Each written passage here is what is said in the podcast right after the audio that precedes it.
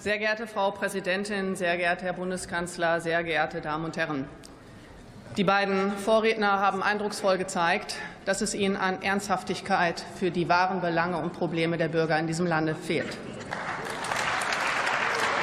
Es brennt, es brennt in Deutschland. Und diese Regierung aus überforderten Fehlbesetzungen und starrsinnigen Ideologen ist der Brandstifter. Die geschundenen Leistungsträger dieses Landes gehen auf die Straße. Bauern, Handwerker, Mittelständler, Gastwirte, Händler, Transportunternehmer. Sie protestieren weiter, weil sie nicht mehr können. Verschwiegen von den Medien. Drei Viertel der Deutschen stehen hinter den Mittelstandsprotesten. Drei Viertel wünschen sich ein Ende dieser Regierung.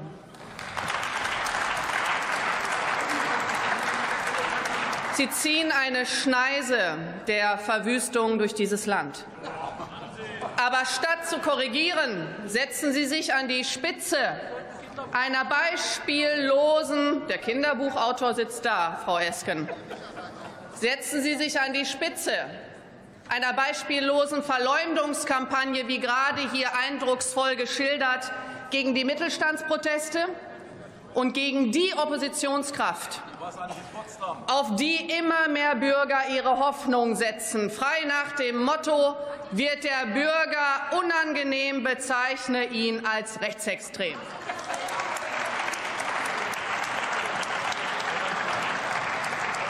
Ihre Hilfsstasi, Korrektiv, eine der vielen Nichtregierungsorganisationen, die von Ihrer Regierung mit reichlich Steuergeld versorgt wird, hat Ihnen dafür die Vorlage geliefert. Mit unglaublichen Lügen, Verleumdung und übelster Nachrede.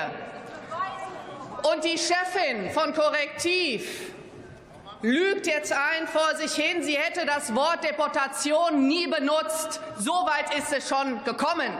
Steuerfinanzierte Denunziation gegen eine Konkurrenzpartei.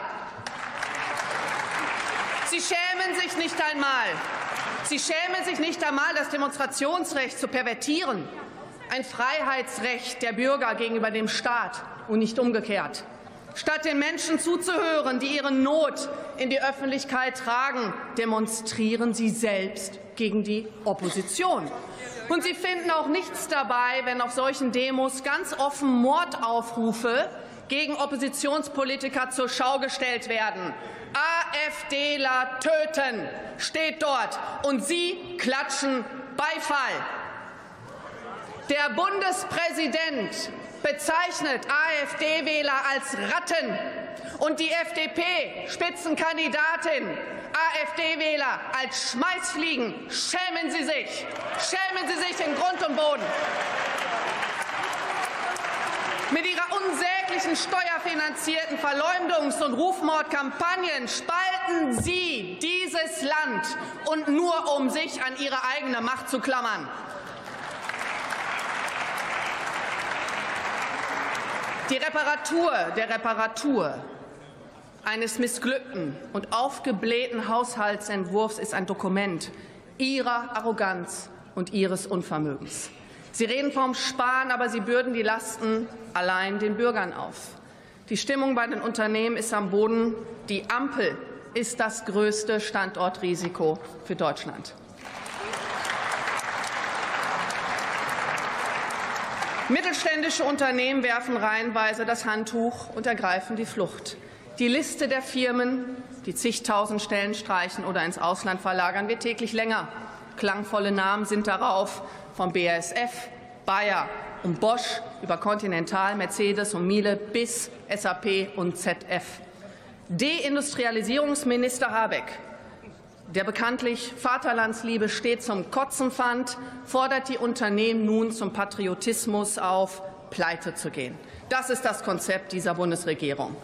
Deutschland steckt tief in einer Rezession. Als einziges Industrieland schrumpft es.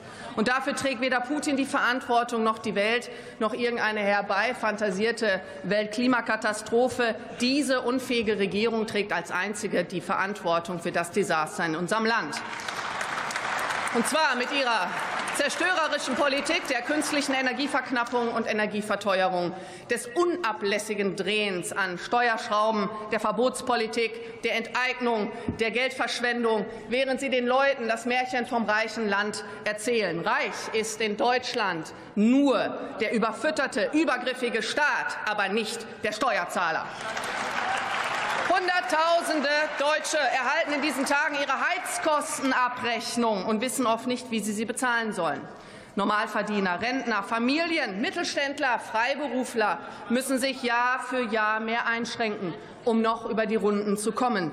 Sie selbst aber denken gar nicht daran, sich einzuschränken. Sie gönnen sich neue Hubschrauber und Fuhrparks. Ihre Kabinettsmitglieder geben Unsummen für Friseure und Fotografen aus. Die Außenministerin fliegt mit großem Tross in peinliche Missionen weltweit, während der Durchschnittsverdiener nicht weiß, was er sich überhaupt noch leisten kann.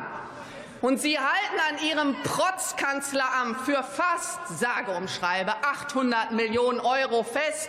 Der gigantomanische Erweiterungsbau kostet allein fast so viel wie das jährliche Sonderopfer, was Sie den Bauern abverlangen wollen. Sie haben den Beamtenapparat in nur zwei Jahren um rund 11.500 Stellen aufgebläht. Schön für Ihre Günstlinge, schlecht für die Steuerzahler, denen der ganze Spaß 8 Milliarden Euro kostet. Wo andere Regierungen ihr internationales Engagement überdenken und zurückfahren, drängen Sie sich überall auf mit dem deutschen Steuergeld. Die eigenen Bauern bedrohen Sie in der Existenz, um eine knappe Milliarde zu sparen. Aber für unsinnige Agrarprojekte in der Welt geben Sie weiter Hunderte Millionen Euro aus. Die viel zitierten Radwege in Peru sind nur eines von Hunderten überflüssigen Entwicklungshilfevorhaben, die in der Summe den Steuerzahler 33 Milliarden Euro kosten. Für nichts, nur für ihre NGO-Günstlinge. Sie verpulvern dieses Geld ohne Gegenleistung für Öko-Kühlschränke in Kolumbien, feministische Außenpolitik in Südafrika, für die Taliban in Afghanistan und für Hamas-Terroristen im Gaza. Selbst nach Indien gehen Milliarden, obwohl Indien zum Mond fliegt, während bei uns die Infrastruktur zerfällt, die Schulen vergammeln und die Schüler teilweise nicht mehr richtig lesen, schreiben und rechnen können. Gegen die Gesetze der Physik und der Logik treiben Sie das Planwirtschafts- und Subventionsmonster Energiewende weiter voran. In der Energiepolitik ist Deutschland der Geisterfahrer der Welt. Die Kosten sprengen alle Dimensionen. Sie sind der Hauptgrund für die Haushaltskrise. Sie summieren sich auf fast eine Billion Euro. Das ist eine Eins mit wie vielen Nullen, Herr Habeck? Wissen Sie nicht. Das sind keine Investitionen in die Zukunft. Das ist die teuerste Zerstörung einer funktionierenden Infrastruktur, die die Welt je gesehen hat. Und sie fluten das Land weiter mit illegalen Migranten. Jeder kann kommen, keiner muss gehen. Sie bürgern im Akkord neue Wähler ein, verschaffen Illegalen über das Chancenaufenthaltsrecht eine Scheinlegalität. Ihr Abschiebungsbeschleunigungsgesetz ist ein Abschiebungsverhinderungsgesetz. Wenn der Steuerzahler abgelehnten Asylbewerbern auch noch einen Anwalt bezahlen muss, um weiter gegen die überfällige Ausreise zu prozessieren. Mit dieser Politik treiben Sie die Kommunen in die Verzweiflung, sprengen die Sozialsysteme, verschärfen die Wohnungsnot und untergraben die innere Sicherheit. Aber vor allem, Sie nehmen den Deutschen ihre Heimat. Über 1000 Frauen werden jedes Jahr Opfer sexueller Gewalt durch Zuwanderer. 7000 seit dem Willkommensputsch der CDU-Kanzlerin von 2015. Aber darüber schweigen Sie, darüber schweigen auch die Medien. Unter dem Schwindeletikett Bürgergeld haben Sie einen Migrationsmagneten geschaffen, dessen Kosten längst außer Kontrolle sind. Das nächste Haushaltsloch steht schon vor der Tür. Sie lassen die Bürger im Stich, wo der Staat dringend gebraucht würde. Wo bleibt die Entschädigung an die vielen Impfgeschädigten ihrer Covid-Impfung? Wo bleibt die eigentlich? Wo bleibt überhaupt die Aufarbeitung dieses ganzen Desasters? Wieder und wieder habe ich hier aufgeführt, was nötig ist, um dieses Land auf Vordermann zu bringen. Nochmal, Schließung und Kontrolle der Grenzen, Zurückweisung illegaler Einwanderer, Rückführung abgelehnter und krimineller Asylbewerber und jener, die kein Aufenthaltsrecht haben. Das ist die Durchsetzung von Recht und Gesetz nach Jahren des Herrschafts des Unrechts. Sie wollen Abschiebung kriminalisieren. Das haben wir gesehen in Ihrer Kampagne. Stopp der Energiewende, Beschränkung der Staatsausgaben und natürlich Streichung des Bürgergelds für ausländische Staatsbürger, die nie in die Sozialkassen eingezahlt haben. Sach statt Geldleistung ist die Devise. Aber rationale Argumente erreichen Sie schon gar nicht mehr. Sie können Deutschland nicht gut regieren, und Sie wollen es nicht. Sie richten es zugrunde.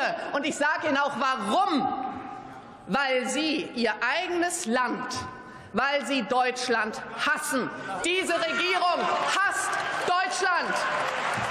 Akzeptieren Sie wenigstens die Möglichkeit eines demokratischen Machtwechsels und machen Sie den Weg frei für Neuwahlen. Ich bedanke mich.